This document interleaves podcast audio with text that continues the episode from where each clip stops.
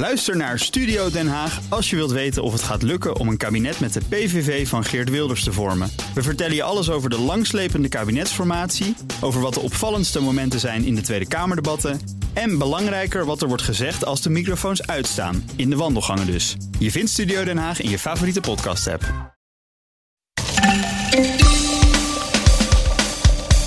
Zal ik hem eh, dan eh, nog een keertje doen, jongens? Nou, ik kunt het er ook in laten. Heb je dit nog Ja, vind ik, nou, ik heb, eh, gisteren heb ik voor het eerst aan het eind van de uitzending een bloopers gedaan. En daar heb ik heel veel reacties op gehad. Die is leuk.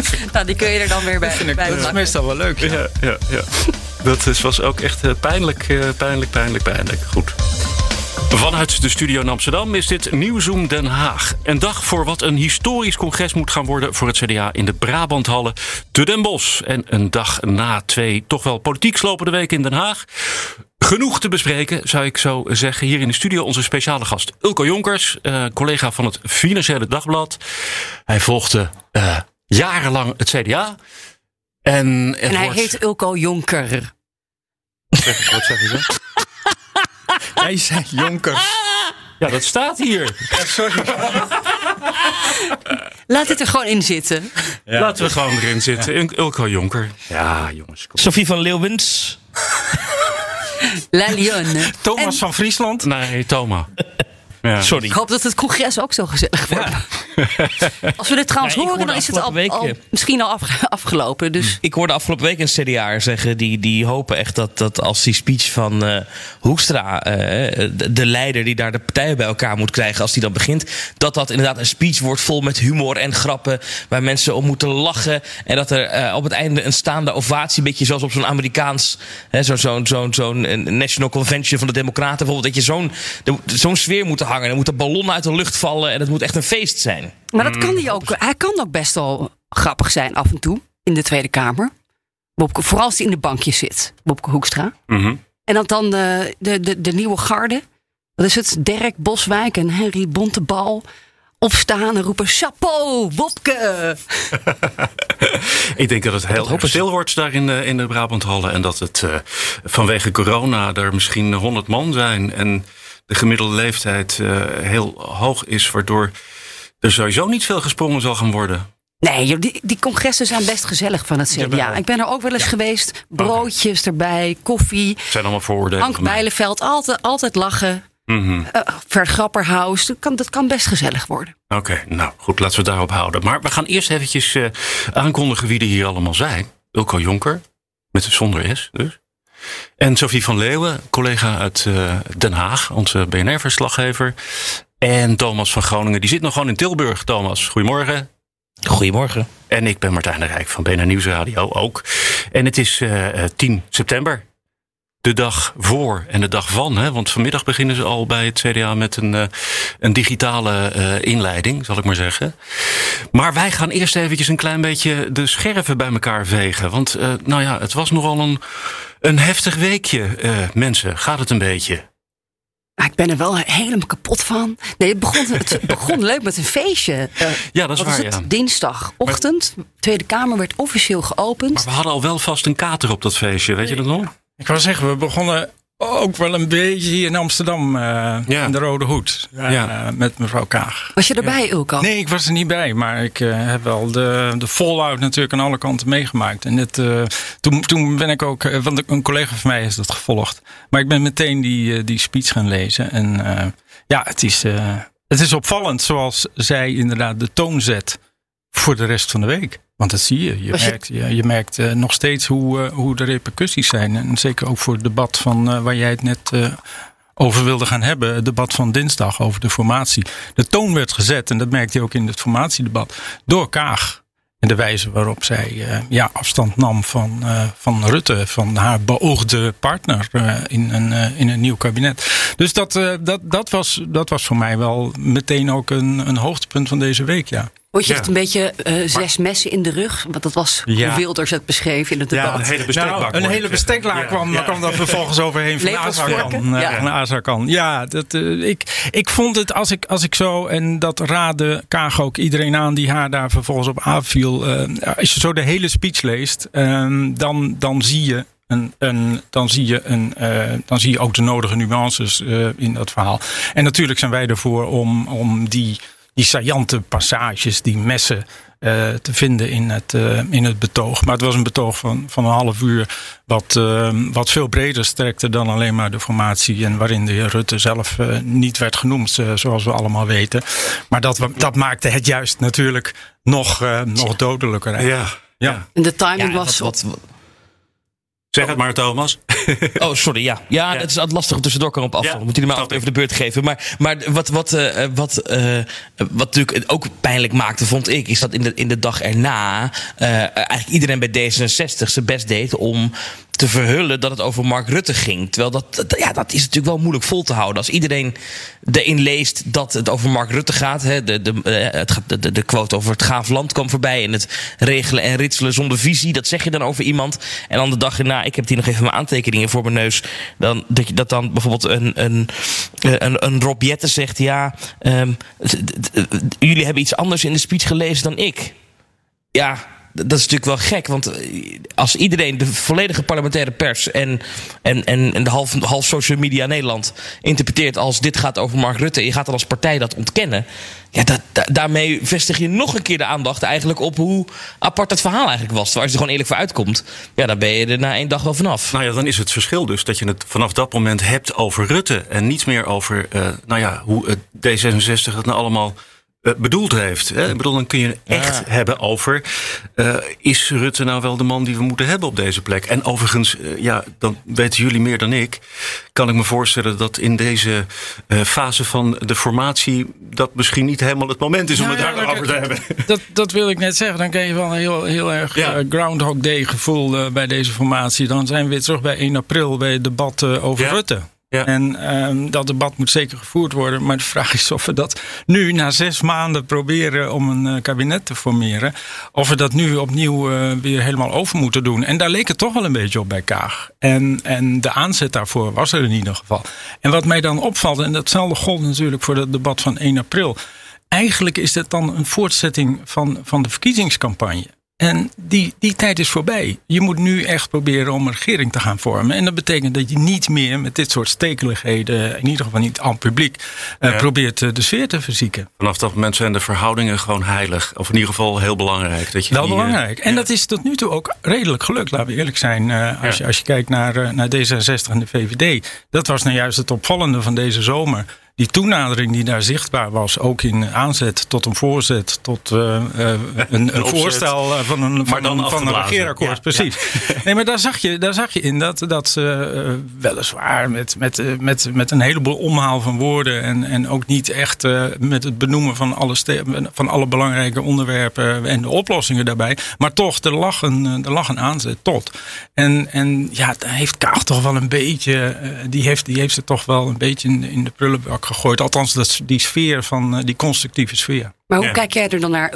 Wat is dan dus het st- strategische gedachte achter deze zet? Want de sfeer was even weer compleet verziekt Ja. in Den Haag. Ja. Wat, wat, wat Maar is- dat, dat, dat heb je ook gemerkt, idee? Sofie. Daar zijn we allemaal naar op zoek. Wat is het idee geweest bij Nou, D66 mag ik een- en bij Kaag om dit te doen? Mag ik een, eh, Ja. even wat roepen? Eh, want ik bedoel, niet geremd door enige kennis van zaken, eh, eh, vind ik er lekker toch wat van. Ehm, ik heb het gevoel dat Kaag met name een signaal had voor Rutte eh, om een grens te trekken. Ik bedoel, zij heeft duidelijk het gevoel gehad dat hoe het de afgelopen maanden allemaal gegaan is, dat eh, eh, ze daarmee over grenzen gedrongen is. Hè? Dus bijvoorbeeld het uitsluiten van, van haar twee gedroomde partners op links. En de manier waarop dat gegaan is. En wat zij wil duidelijk maken is. Sorry, eh, eh, Mark Rutte, maar eh, je zit hier niet in je eentje en je kunt niet alles opleggen. En ik bijt terug als het mij te, te veel wordt. Ja. Ja, nee, zo- Maar het kan ook, het kan ook een, een, een momentum zijn voor, voor D66. Dus nou ja, het- no- nog een laatste felle uithaal. Om dan toch nu verder te gaan met een minderheidskabinet. Mhm. En, en eigenlijk, ja, je, je- je hebt Rutte even uitgescholden. En dan ga je eh, ja, de volgende stap zetten zonder PvdA en GroenLinks. Ja, ik, Ja. ik moet ook eventjes denken. Oh, ja, Tom, zeg jij het eerst eventjes? Nou ja, als we, als we even, eh, eh, wat je merkte, uh, dat wel interessant is, als je even teruggaat naar, naar begin april. Hè, hadden we het 1, 1 april debat gehad. Uh, die nacht van Rutte, die motie van afkeuringen, hier scheiden onze wegen.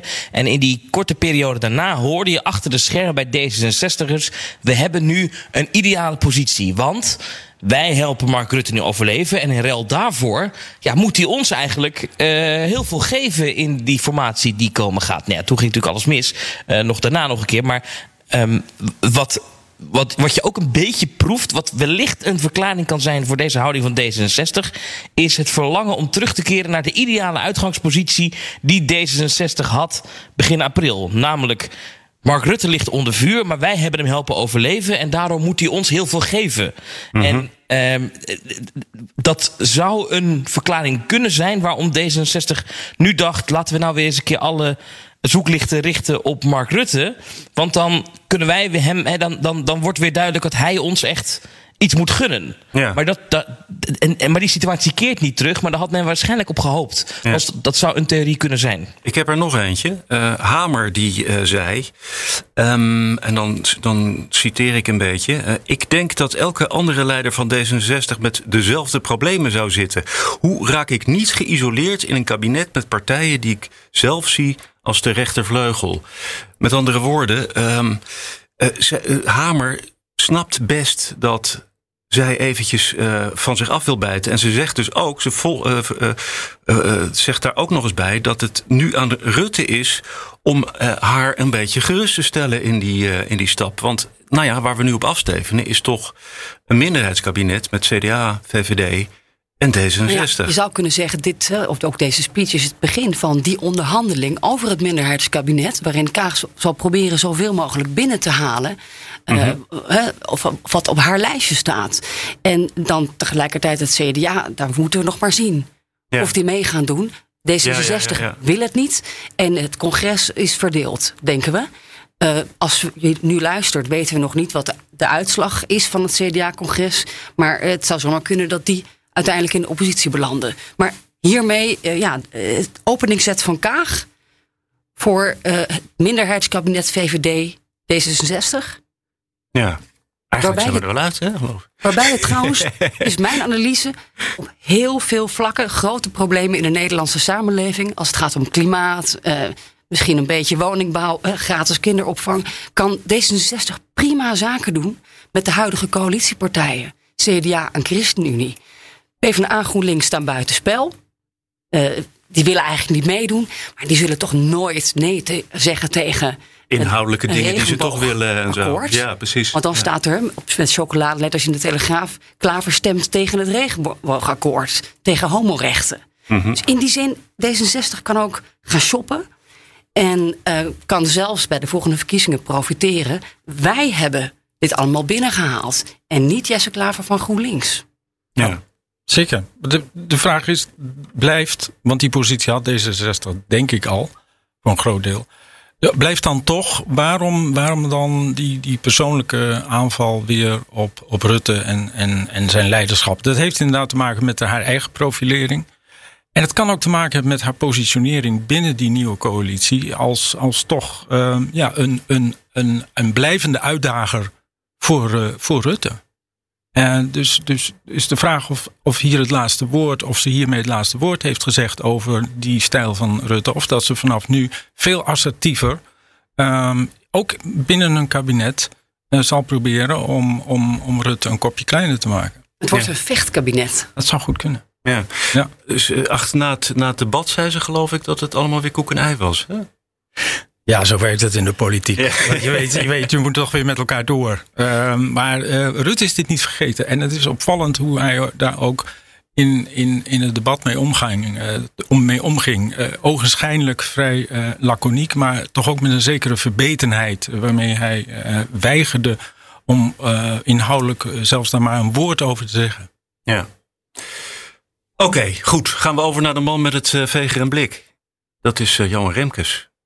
Die mag dit allemaal weer een beetje op gaan ruimen, toch? Of, of, of ben ik gek?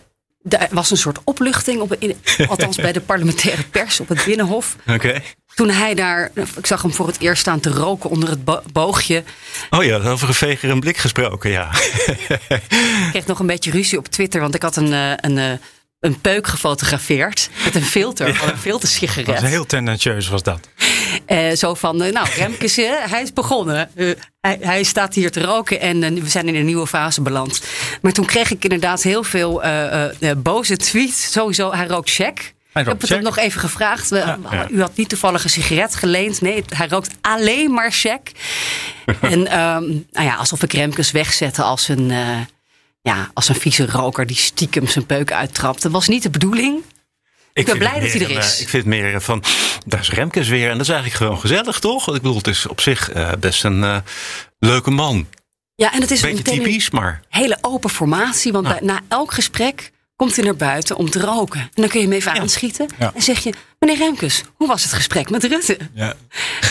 Komt niet zo Ja, heel veel uit. ze- Heel veel wijzer geworden. Vriendelijke gesprekken. Maar En daar hadden hij ze gisteren iets op gevonden. Eh, Want eh, na zijn gesprek met Gert-Jan Segers van de ChristenUnie... wat zijn chauffeur dan nu doet, ik vond het wel weer geestig gevonden... is zijn chauffeur zet de auto dan helemaal strak tegen een van die bogen bij het binnenhof aan... en daar gaat Johan Remkes dan achter staan... zodat je als pers daar net niet bij kan. Dus ze hebben al iets gevonden dat hij tijdens het roken niet iedere keer gestoord wordt. Maar als hij dan de auto ingaat, ja, dan kan je wel even snel aanvliegen. Heb je niet een eh, hele extra super lange hengel eh, tot je beschikking, eh, Thomas? ik bedoel, ja, we hebben, we hebben als verslaggevers eh, tegenwoordig Ja, een, een. Hengel. Dus ja, kun hij je zei bij het instappen van de auto, zei hij in het, bij het instappen van de auto zei hij inderdaad, eh, we zijn heel veel wijzer geworden en daar zullen we ons voordeel mee doen. Dus ik Ja, ben toch dat benieuwd wat ik hij daar dan... eh, Ja, ja. ja. Maar hij spreekt in ieder geval al over zichzelf in de, Wij. eh, in ja. de, in de pluralis majestatis. Dus Ja. ja. ja. Hey, en Thomas, wanneer was dat dan? Dat hij eh, dat zei? Was dat na zijn gesprek met wie? Want eh, Dat was is gisteren na de eh, gesprekken met, eh, met, met de Partij van de Arbeid GroenLinks. Mariette Hamer heeft hij gisteren nog ontvangen en, en Gert-Jan Segers op het einde. Ehm, en de conclusie van die dag was nou ja, dat Partij van de Arbeid en GroenLinks allebei lieten weten niet in een gedoogconstructie te willen. Die hebben eigenlijk gezegd van ja, als er niet gesproken wordt over een meerderheidskabinet met ons, en dus er zal gesproken worden over een minderheidskabinet, dan zullen we het in de Kamer wel zien. En na dat gesprek ontving die Mariette Hamer. En we weten dat Mariette Hamer, de oud-informateur, als advies aan Remkes geeft: zorg nou dat als je aan zo'n minderheidskabinet begint, dat je dan nu alvast die samenwerkingen ook vastlegt. Dat je die alvast uitzoekt. Ja, en op dat vlak heeft hij dus, dat is die wijze geworden gisteren waarschijnlijk, eigenlijk al slecht nieuws gekregen. Omdat dus Partij van de Arbeid en GroenLinks daar niet in meegaan. Hè. Die zien het dan in de Kamer wel. Gert-Jan Segers daarentegen, die dus niet meer mee wil doen in een meerderheidskabinet. Althans, dat horen we wel eh, als laatste redmiddel wellicht wel. Maar hij staat niet te springen nu. Die zegt wel dat hij zich eh, constructief wil opstellen. Dus daar kan hij dan wel ehm, met dat minderheidskabinet eventueel die samenwerking zoeken. Dus dat is die wijze geworden. En ook heel veel andere partijen die ik sprak. Ik ben eh, bij die nieuwe fracties in de Tweede Kamer even langs gegaan. Eh, bijvoorbeeld de fractie Den Haan en de SGP. Ik heb Volt gesproken. En vele anderen die, die zien het eigenlijk wel zitten. eh, om, om een beetje steun te geven links en rechts. En nou, misschien invloed te kunnen uitoefenen op zo'n minderheidskabinet. Ehm, ik was trouwens ook even bij Kees van der Staaij, de langzittende Kamerlid, denk ik, hè, van de, SGP. Die heeft de aller, allermooiste Kamer van hele B67. Dat is echt de koning van de Tweede Kamer, zevende etage. Kijkt uit over heel Den Haag. En dan ziet, zie je dus het Koerhuis liggen aan de, aan de oceaan. Ja. Echt prachtig. Maar die, die zien echt kansen eh, voor zichzelf. Ehm, Bij GroenLinks en de PvdA hoor je dat. Eh, eh, het is iedereen in het zagrijn. Ah. Echt heel erg geïrriteerd. Iets anders wat Hamer gisteren ook zei, wat mij of de, deze week zei, wat me opviel. Ze zegt: Eigenlijk heb ik de indruk willen, wilde CDA en VVD de linkerpartijen wel uit elkaar spelen. Hebben ze het überhaupt geprobeerd? Die suggereert eigenlijk dat er niet eens de wil was om überhaupt hè, Jesse los te trekken en ehm, met één linkse partij in het kabinet te stappen. Eigenlijk wil Rutte gewoon niet met Met links. überhaupt met links, eh, ja. Überhaupt niet. Nee. Ja, ik, hoor- ik hoor bij de VVD eh, dat, dat daar wordt gepercipieerd, ook, ook eh, gezien de, de congres en de stemming, bijvoorbeeld bij de PvdA vorige week, eh, of de week daarvoor was het alweer. Ehm, de PvdA wil ook helemaal niet met Rutte. Ik bedoel, er, wordt, er wordt wel, er wordt wel die, die indruk wordt wel gewekt. Ehm, maar de PvdA heeft echt, en dat heeft Rutte een en ander maal gezegd, heeft, heeft echt een, een, een hele andere uh, instelling, een hele andere koers dan, ehm, dan bijvoorbeeld aan de vooravond van uh, Rutte 2 uh, met Samson. Dus, dus ehm, in die zin weet ik niet of het zo ongelukkig is hoor, dat ze uit elkaar gedreven zijn. Ja. En nog even over die, die kleine partijen. Ik, ik hoorde dus dat bijvoorbeeld Den Haan heeft uh, andere uh, fracties bijeen. is ook één zetel. BBB. Uh, volgens mij zelfs Denk van Asserkan van Denk bij elkaar geroepen. En gezegd, kunnen we niet gewoon samen met voorstellen komen? Dus eigenlijk een soort samenwerking op, in, binnen die versnipperde Tweede Kamer. Om dan hun plannen te kunnen doorduwen met de minderheidskabinet. Een soort, soort van hulptroepen vanuit het... Het, vanuit de Tweede Kamer. Nou, pro profilering ook. Ja. Profileren ja. En, en zelf eigenlijk meer macht hebben dan tot nu toe het geval was. Ja. Toch een, een, een, interessant experiment wat zich nu aan het. Ja, dat is het. Nee, het is, het is, het is echt boeiend, denk ik. En ik denk ook. Ja, ik, ik zou zelf, maar dat is, dat is ook een, een, een journalistieke instinct. Ik zeg van laat het maar gewoon doen. Laat het maar gewoon proberen zo. En dan het liefst uh, gewoon VVD D66. Ja, en dan uh, zitten ze met, wat is het, 58 zetels? Ja, oké. Okay, maar, ja. maar ga, ga, dat experiment eens aan en ga eens kijken hoe ver je komt. Uh, wie neemt er werkelijk verantwoordelijkheid voor de problemen van dit land? Dat is natuurlijk wel de, de uiteindelijke vraag uh, die ook in de Tweede Kamer beantwoord moet worden. Op het moment dat je echt een minderheidskabinet hebt wat op hoofdlijnen weet welke kant het op wil. Maar wat vervolgens de dialoog wil aangaan. Dualisme en dan maar, hopen dat het eindelijk over de inhoud gaat ja. de komende jaren. Ja, zou mooi zijn. Maar nou, ook als je. Uh, ja, ja oké, okay, ik ben naïef Thomas, ik snap het. Ja, nee, maar als je, kijk, als je VVD en D66 hebt en je moet dan die samenwerking gaan zoeken.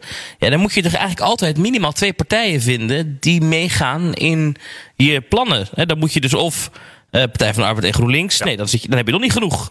Dus maar, dan moet je. Maar is dat niet heel erg simpel? Zelfs in veel gevallen vinden. Ja, maar is dat niet heel erg simpel? We hebben toch het, uh, dat document. We hebben ook uh, de verhalen van Hamer gehoord die gezegd heeft. Die inhoudelijke verschillen die zijn helemaal niet zo groot. En ja, dan lukt het toch best om twee partijen te vinden. Nou, er zijn er is, genoeg, hè? Dus uh, er zijn er altijd wel twee er zijn er genoeg, precies. Kijk, wat, wat, je, wat je ziet ook, ook in die, die de vraag... Uh, ja, hoe zitten kleinere partijen in, in, uh, in, in, in het veld?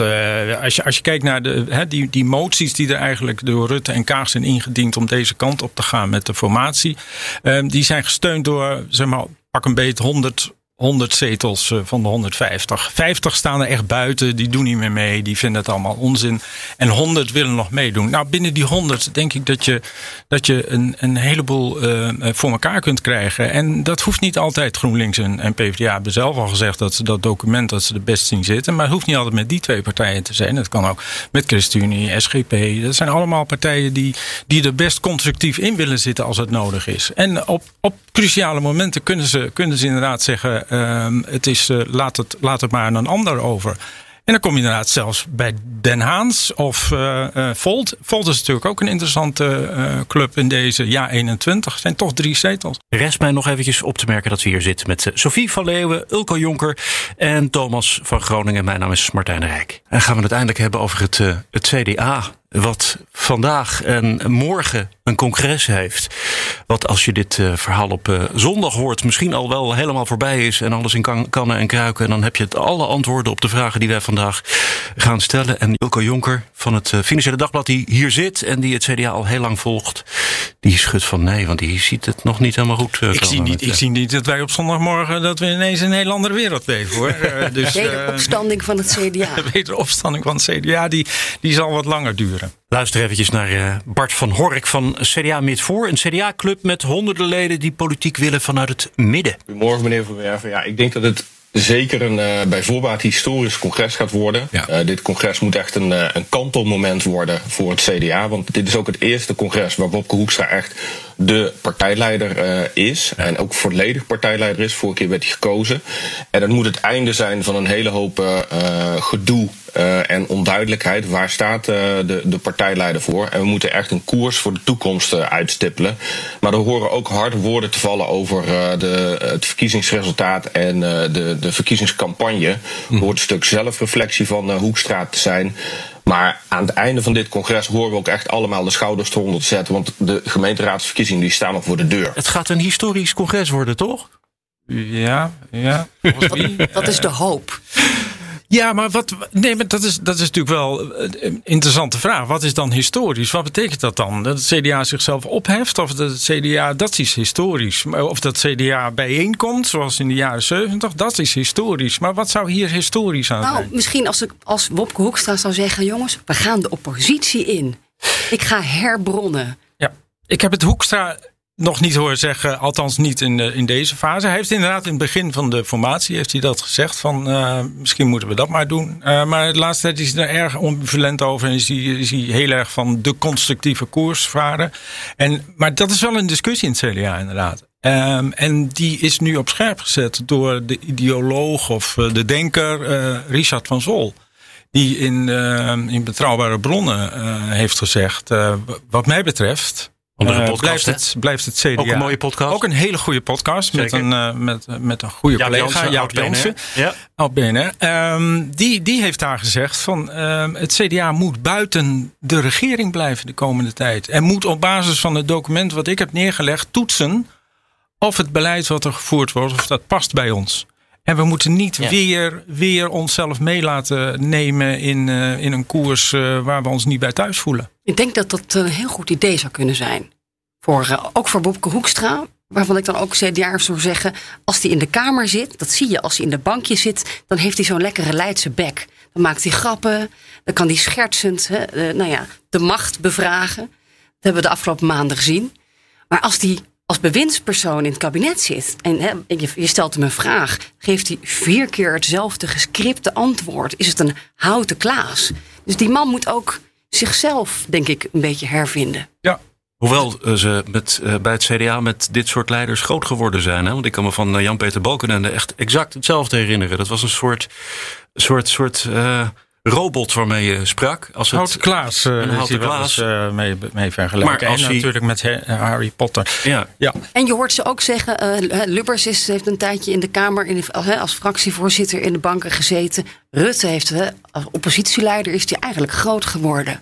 Dus als Wopke Hoekstra ooit het torentje in wil, dan moet hij even in de bankjes. Wim Kok is ook een bekend voorbeeld van, een, eh, van iemand die eh, eh, even de Kamer in moest om, eh, om zichzelf voor te bereiden op, op de grote sprong voorwaarts. En ja, ik, ik, ik, ik moet het nog zien hoor. Dat, ik, ik, ik, ik voel mee die, die Leidse bek, dat snap ik. Want die, die hoor je anders bijna nooit, behalve achter de schermen. Dus het zou leuk zijn om, om die kant van Wopke te zien. Maar is dat meteen niet ook het grote probleem? Het plaatje past niet bij de inhoud van de grote Leidse bek en een CDA. Dat is een beetje, denk ik, ook waar CDA'ers tegenaan hikken als we het over Wopke Hoekstra hebben. Is het niet Ja. gewoon een verkapte VVD'er? Is het niet gewoon een liberaal? Zeker, ook al. Ik ben ook best, afgelopen week best wel een beetje geschrokken. En gewoon, eh, gewoon willekeurig wat CDA'ers gebeld. En, en, en de, de, kritiek op, op, op Hoekstra binnen zijn partij.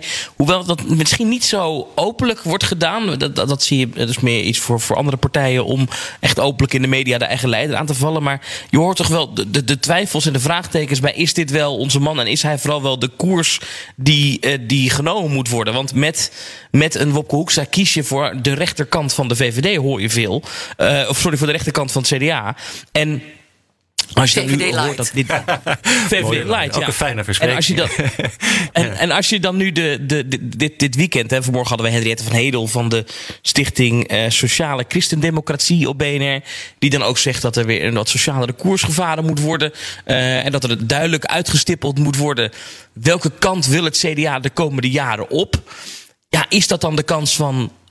De, kant van Wopke Hoekstra? Of is dat wellicht een andere kant die wat meer richting het midden van het politieke spectrum loopt? En dat is, eh, dat is bi- bij de achterban van het CDA eh, nog wel echt een, een heikel punt. En dan, zou, eh, dan krijgt een Hoekstra het echt nog wel zwaar als, als die discussie op die manier gevoerd moet worden. Laten we eventjes eh, duidelijk zijn, jongens. Eh, Wopke Hoekstra heeft nu zijn eerste congres als partijleider. En eigenlijk staat hij nu alweer gewoon ter discussie, hè, als ik jullie zou. eh, Nou, er zijn ook aanhoren. optimisten eh, in de partij. Ik, ik, ik hoorde ook eh, Bart van Hork van het CDA Midvoor. Mensen die zeggen, uh, dit wordt misschien wel historisch, want we gaan mm komen met een nieuwe groene industriepolitiek. En ook de defensiewoordvoerder, hè, we moeten mensen redden uit Afghanistan. Uh, ze zijn allemaal aan het bewegen naar toch ja, meer hè, de, de, naar, naar richting links of richting het midden. En, um, en het verhaal is dan dat de afgelopen weken Bobke Hoekstra dat zou hebben omarmd en dat hij heel goed luistert naar die geluiden in zijn partij van we moeten eigenlijk vergroenen dat hij een beetje de metamorfose uh, nou ja, gaat, gaat dit weekend op het hmm. congres gaat laten zien. Hij wordt een mooie vlinder. Ik ben heel benieuwd of dat echt ja, of dat geloofwaardig is. Ja, ik ook, ja. En dat, dat is het spannende. Maar ja, hmm. als je dit luistert, dan, is het, dan heb je de speech misschien al gehoord. Hij is nu nog druk aan het schrijven. Ja. Nee, maar dat is, dat is denk ik inderdaad de toon die, die Hoekstra aanslaat in zijn speech. In die zin uh, is, is het een hele belangrijke speech. Uh, van, van ja, wat, welke kant wil hij op met, met het CDA? En krijgt hij de partij daarin mee? Over het algemeen Um, krijgt de leider de partij wel mee als hij een beetje goed voeling heeft bij wat er, wat er leeft in die partij. En dat is nu natuurlijk ook nog de vraag. Kijk, je hebt de afgelopen tijd, uh, ja, heb je, we hebben geen, uh, geen zaaltjesdemocratie meer. Uh, dus dus Hoekstra is, hoeveel voeling heeft hij met de achterban? En ja. wat, wat is de achterban? Ja, ja ze hebben natuurlijk elkaar al, ik weet niet hoe lang niet gezien. Wat, wat wij, nee, je wou het zeggen, Thomas, sorry. Ja.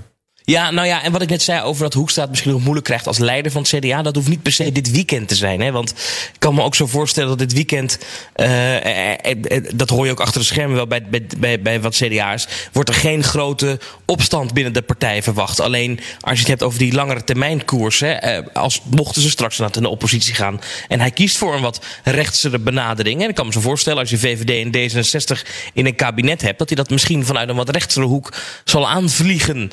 Uh, waarom bepaalde keuzes gemaakt worden. Nou ja, stel dat dat gebeurt. Kijk, dan zou je dat soort discussies, uh, denk ik, over zijn positie krijgen. Maar de verwachting is volgens mij niet, ik weet niet hoe jullie dat zien, Sofie en Oko, maar dat, dat dit weekend al zijn positie uh, echt in gevaar komt. Nee, dat denk ik ook niet. De enige die zijn positie in gevaar kan brengen is hij zelf. En Pieter Omtzigt?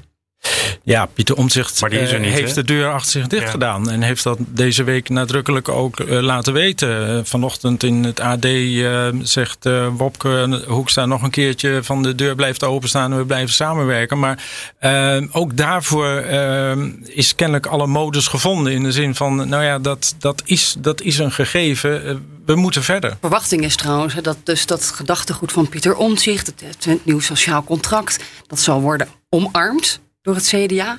Ja, waarbij je ook misschien Pieter Omtzigt ook weer een beetje buitenspel wordt geplaatst. nou, en eenzaam in zijn eentje ja, dan die ene zetel zal bemannen. Ja, en dat is, dat is natuurlijk het, het lot van, uh, van de meeste eenmansfracties. Die sterven, die, die, zijn, die, die fade away. Uh, de vraag is, eh, Omtzigt zal zich dat niet laten overkomen.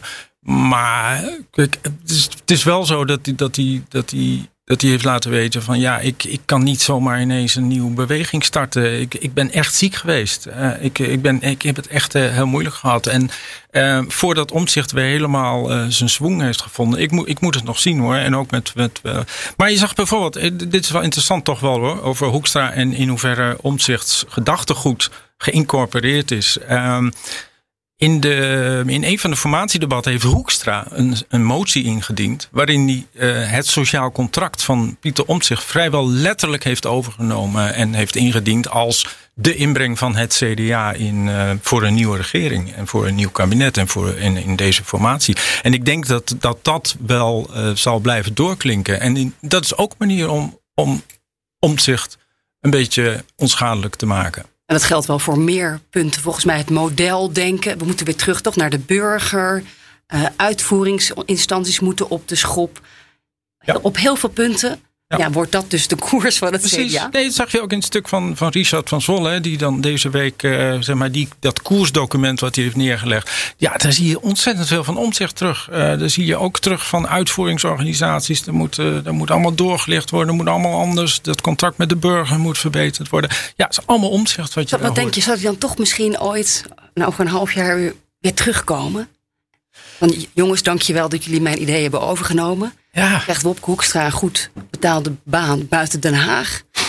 functie elders. Voor, functie elders. Wopke, en dan, uh, Omzicht. Ja, ik, ik, nou, ik heb het al eerder gezegd. Uh, als, je, als je echt kijkt naar een, een kabinet wat, uh, wat, wat ja, toch een, een, een andere signatuur krijgt, moet je misschien wel eraan denken om, om omzicht daarin op te nemen. Als, als minister? Ja. ja. Of als staatssecretaris sociale zaken, ik weet het niet. Maar dus, ik bedoel, je moet, je moet out of the box denken op dit moment. Denk ik. Speciaal gezant, nieuw bestuurscultuur. Ja, ja, ja, ook een, een hele goede, ja. Thomas, volgens mij probeerde je ook nog één te breken, maar je bent op afstand. Ja, sorry, dat is een beetje lastig. Maar nee, kijk, ik zat nog wel te denken over Pieter Omtzigt. over die nieuwe beweging die uh, hij al dan niet gaat starten. Hij zegt nu uh, toch nu niet. Hè? Dus hij sluit het voor de toekomst niet uit. En ja, Pieter Omtzigt is wel een man van, van, uh, die heel erg op woorden let. Dus ik kan me voorstellen dat daar wel echt een. Uh, hij sluit het dus echt niet uit als je, als je zegt nu niet. Alleen wat interessant is, is ja, mocht dit kabinet nou van korte duur zijn. of mocht deze formatie uitdraaien op nieuwe verkiezingen. dan zit daar natuurlijk wel een risico in voor Pieter Omtzigt. Als dan tegen die tijd zijn nieuwe beweging nog niet is opgericht. dan zal hij of zich weer bij het CDA moeten aansluiten. of ja, ik, ik bedoel, een eenmanslijst op de, op, op, bij de Tweede Kamerverkiezingen. Ik weet niet of dat kan. Uh, het zal wel, maar dat, dat, dat, is natuurlijk wel heel ingewikkeld. We, we hebben trouwens verkiezingen volgend jaar, de gemeenteraadsverkiezingen. Ja, daar gaat hij toch niet aan meedoen, denk ik, als hij nee, nog geen partij maar, heeft. Nee, maar goed, maar stel nou dat, dat, dat deze formatie weer mislukt en het draait uit op nieuwe verkiezingen. Gert-Jan Segers zei gisteren daarover, dat kan ik niet meer uitsluiten dat dat gebeurt. Dat hoor je toch wel meer achter de schermen in Den Haag. Het is nog niet waarschijnlijk, maar het wordt niet meer uitgesloten. Nou ja, en, en stel nou dat, dat dat volgende kabinet, als het er komt, dat minderheidskabinet. Nou ja, daarvan hoor je toch ook wel van veel analisten dat dat er misschien niet heel lang zal zitten. Omdat er nou ja, drie parlementaire enquêtes aankomen over pittige onderwerpen. En ja, minderheidskabinet is wat minder stabiel dan een meerderheidskabinet. Ja, dan loopt zo'n omzicht wel een risico natuurlijk. Als hij tegen die tijd nog niet klaar is met zijn nieuwe beweging. Want dan is hij gewoon weg uit de Kamer. Ik kijk nog even naar de peilingen, jongens. En dan denk ik dat eh, het CDA niet echt zit te wachten op uh, nieuwe verkiezingen. Hè? Het is uh, negen zeteltjes, de laatste peiling die, waar ze op uitkomen. En wat me vooral ook opvalt, is dat ze een enorme brede bandbreedte hebben als je ze vergelijkt met andere partijen. Dus het kan ook zes zetels worden. En dat is natuurlijk wel echt ongelooflijk. Ja. En daarom denk ik ook niet dat het gaat gebeuren. Wat? Nee. Nieuwe verkiezingen. Nieuwe verkiezingen, ja, nee, oké, ja. nee, maar goed, de, de, de, de, de vraag wordt de laatste tijd wel vaak gesteld. Hè? Eh, ook in de pers van hè, nieuwe verkiezingen komen ze eraan. Een deel van de samenleving wil dat graag, als je social media ziet. En als je dan kijkt, hè, de, partijen die er wel of geen baat bij hebben om nieuwe verkiezingen uit te schrijven. Ja, eh, als je gaat kijken naar de partijen die er wel baat bij hebben, want een meerderheid van de Tweede Kamer moet daarvoor zijn, voor de duidelijkheid. Ja, dan zullen een aantal uh, partijen die nu flink in de plus staan in de peilingen, zullen daar wel voor zijn. En dan, nou dan, dan, zou het zomaar kunnen dat, dat, dat men daar uiteindelijk aan het einde van de rit toch voor kiest dat daar wel een meerderheid voor is. Dan zullen wat kleinere partijen zullen dan heel belangrijk worden. Maar ik kan me zo voorstellen dat CDA en D66 daar niet snel uh, voor maar, zullen zijn. Thomas, het is wel op plus trouwens. Het is ook niet in het belang van Rutte hè, dat je dus uh, dan vervolgens verder moet met een nog kleiner CDA. Uh, en een ook kleiner D66. En dan meerderheden moet gaan zoeken met BBB of Ja21 of een nog verder versnipperd parlement. Ik zie dat ook voor de VVD.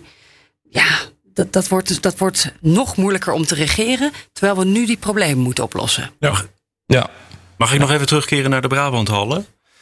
Um, want daar is uh, het congres dan. En op congressen kunnen er ook ongelukken gebeuren. Dat wil zeggen dat uh, er worden moties in stelling gebracht. Uh, waar je achteraf misschien wel verschrikkelijk veel spijt van, van krijgt. Um, ja, we hadden het er al eventjes hm. over dat we eigenlijk niet zo goed weten wat, wat er leeft in die achterban van het CDA. Omdat alle ja, zaaltjes gesloten waren de afgelopen tijd. kunnen jullie voorstellen dat er, dat er, dat er ongelukken gebeuren? Nou, er zit, zit natuurlijk een, een hele ervaren uh, interim-voorzitter, uh, Marnix van Rij. En uh, die heeft de afgelopen tijd, heeft die, uh, wel degelijk af en toe ook met Hoekstra, um, grote, grote digitale bijeenkomsten georganiseerd. Met achterban, ook in het noorden en in het zuiden en in het westen en het oosten, overal. dus in die zin denk ik dat hij aardig zicht heeft op wat er in die partij leeft. Um, en over het algemeen geldt bij partijen, zeker sinds de Partij van de Arbeid uh, congres het tweede uh, kabinet Den Uyl torpedeerde, dat congressen, uh, dat, dat men heel erg die congressen zodanig regisseert dat ze niet een, een, blokkade vormen voor de politiek leider in de, in, in de formatie. Hoe was het ook weer? Congressen kopen geen straljagers? Ja, zo, die, die hebben we ook gehad. Ja. ja. En, dat, en dat, is natuurlijk, dat is natuurlijk iets wat, wat zeker bij het CDA wel degelijk heel erg, dat, dat besef is er, is er heel erg. Die resoluties worden vaak al eerder ingediend. Ja. En een beetje bijgeschaafd. Een beetje bijgeschaafd. Wat vinden jullie hiervan? Ja, wat, wat, wat altijd belangrijk is, zeker ook bij het CDA als van oudsher toch een gezagsgetrouwe partij, is uh, het oordeel van het bestuur over de resoluties. En als het bestuur zegt van nou, beter van niet. Dan, uh, dan gaat het meestal, uh, wordt de resolutie niet aangenomen. Soms wel, uh, maar dat is dan op, op ja, minder, minder belangrijke punten. Eentje kan ik me herinneren, bijvoorbeeld het studie, studiestelsel, waar het bestuur zei: laten we daar voorzichtig mee zijn, want dan lopen we onze, onze bewindslieden voor de voeten. Maar, maar dat, dat kan, maar echt grote ongelukken voorzie ik niet hoor. Maar kan het zijn dat ze dus via een resolutie de oppositie in worden gedwongen door hun eigen leden? Ik kan, ik kan me niet voorstellen dat, dat uh, men zo uh, de, de handen van, uh, van Hoekstra gaat binden. Dat, dat ze zeggen van we willen buiten, per se buiten een kabinet blijven. Maar je kunt je wel voorstellen dat ze voorwaarden gaan stellen aan. Ja. Dat is, dat, is, dat is volgens ja. mij, denk ik, een belangrijk onderdeel van, van dit congres. Is ja, welke bandbreedte heeft, heeft Hoekstra in zijn opstelling in, de, in de formatie? En als nu nogmaals, als Von Zwol zegt van uh, dit, is, dit is ongeveer het document. Als dat document wordt, zo wordt aangenomen, dan geeft dat uh, Hoekstra guidance. Maar als Von Zwol ook nog daarbij zegt van ja, en blijf buiten het kabinet. Dan zit daar nog wel een, daar nog wel een puntje. Hoe gaat Hoekstra daarmee om? En wat moet de partijleider uit de onderhandelingen slepen? Volgens, ja. de, volgens het CDA. Dus ja. hij zei al eerder, ik wil niet met GroenLinks en PvdA, want dan ben ik de kleinste partij. Ja. Wat wil Hoekstra uitonderhandelen ja. Bij de formatie? Weet je ja, dat? dat? Dat is een goede vraag. Want uh, dat, waar staat het CDA wat dat betreft? We hebben natuurlijk afgelopen tijd een paar visiedocumenten gezien. Je refereerde er al aan. Um, eentje van Dirk Boswijk over ja, die landbouw. Uh, daar, moeten we toch, uh, daar zullen we toch op een andere manier naar moeten kijken in de toekomst. Wat voor het CDA een echt revolutie een, is. Nou ja, revolutie, maar het is in ieder geval een, wel een, een kantelpunt. Um, en het andere document deze week van Harry Bontebal over het, uh, over het klimaatbeleid. Uh, ook heel duidelijk een, een verlicht, een groene koers. Um, en en dat, is, dat zijn dingen waarvan ik denk: van, ja, dat, dat, dat kun je moeilijk als, als grote speerpunten nemen. Als je ziet hoe, hoe D66 en zelfs de VVD daar tegenwoordig naar kijken. Dus dat, dat, dat kunnen ze binnenhalen. Um, dus de landbouw zal een, zal een, een heikel punt blijven, zeker ja. binnen het CDA ook. In de Tweede Kamer werd ook gedebatteerd met uh, Carola Schouten, de minister. Um, ja, en, en toen was het eigenlijk meteen onteigenen. Daar gaat het CDA niet mee akkoord. Ja. Dus, het, hè, dus verplicht grond opkopen ja. en de boeren wegsturen. Nou, ik denk dat de minister van Financiën daar ook wel blij mee is.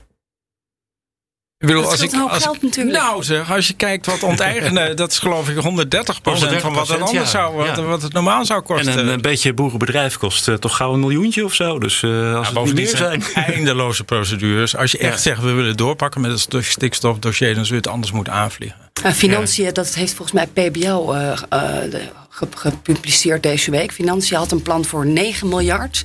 En het gaat meer om de, de rechten opkopen. Dus bijvoorbeeld varkensrechten. Ja. En niet onteigenen. Hm. Onteigenen kost 15 miljard euro. Ja, ja. Ja, wow. Maar niet in één jaar, toch? Nee, niet in één jaar. Nee. En, en, er is geld genoeg, toch, Ilko?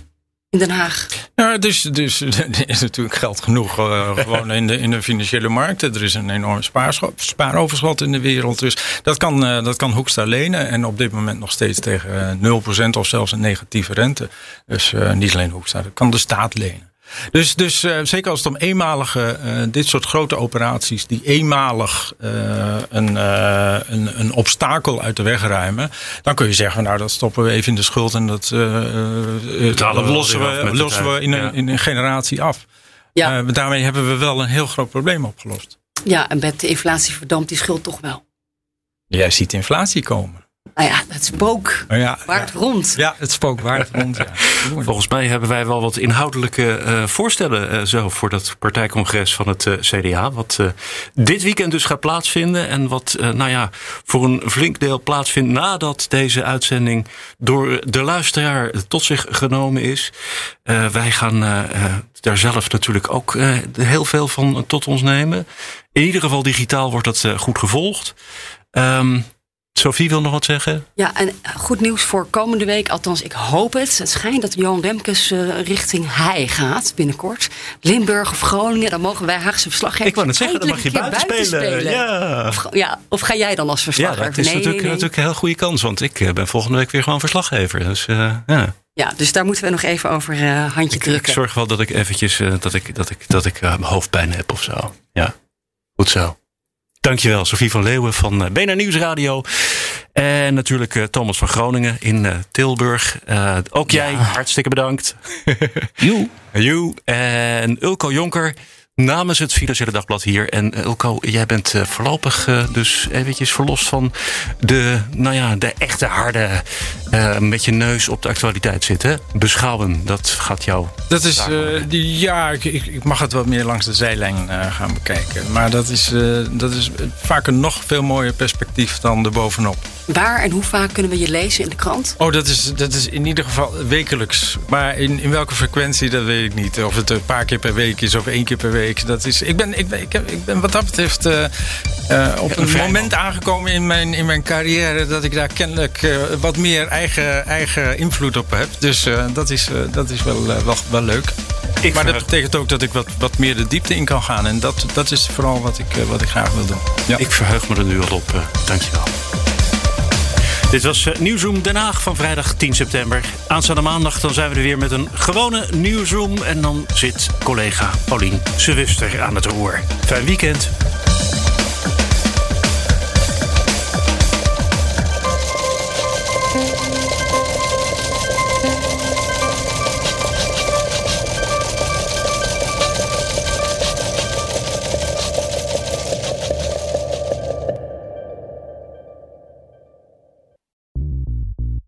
BNR ben je altijd als eerste op de hoogte van het laatste nieuws. Luister dagelijks live via internet. Bas van Werven. En heel langzaam komt de zon op rond dit tijdstip. Je krijgt inzicht in de dag die komt op BNR, het Binnenhof in Nederland en de rest van de wereld. De Ochtendspits. Voor de beste start van je werkdag. Blijf scherp en mis niets.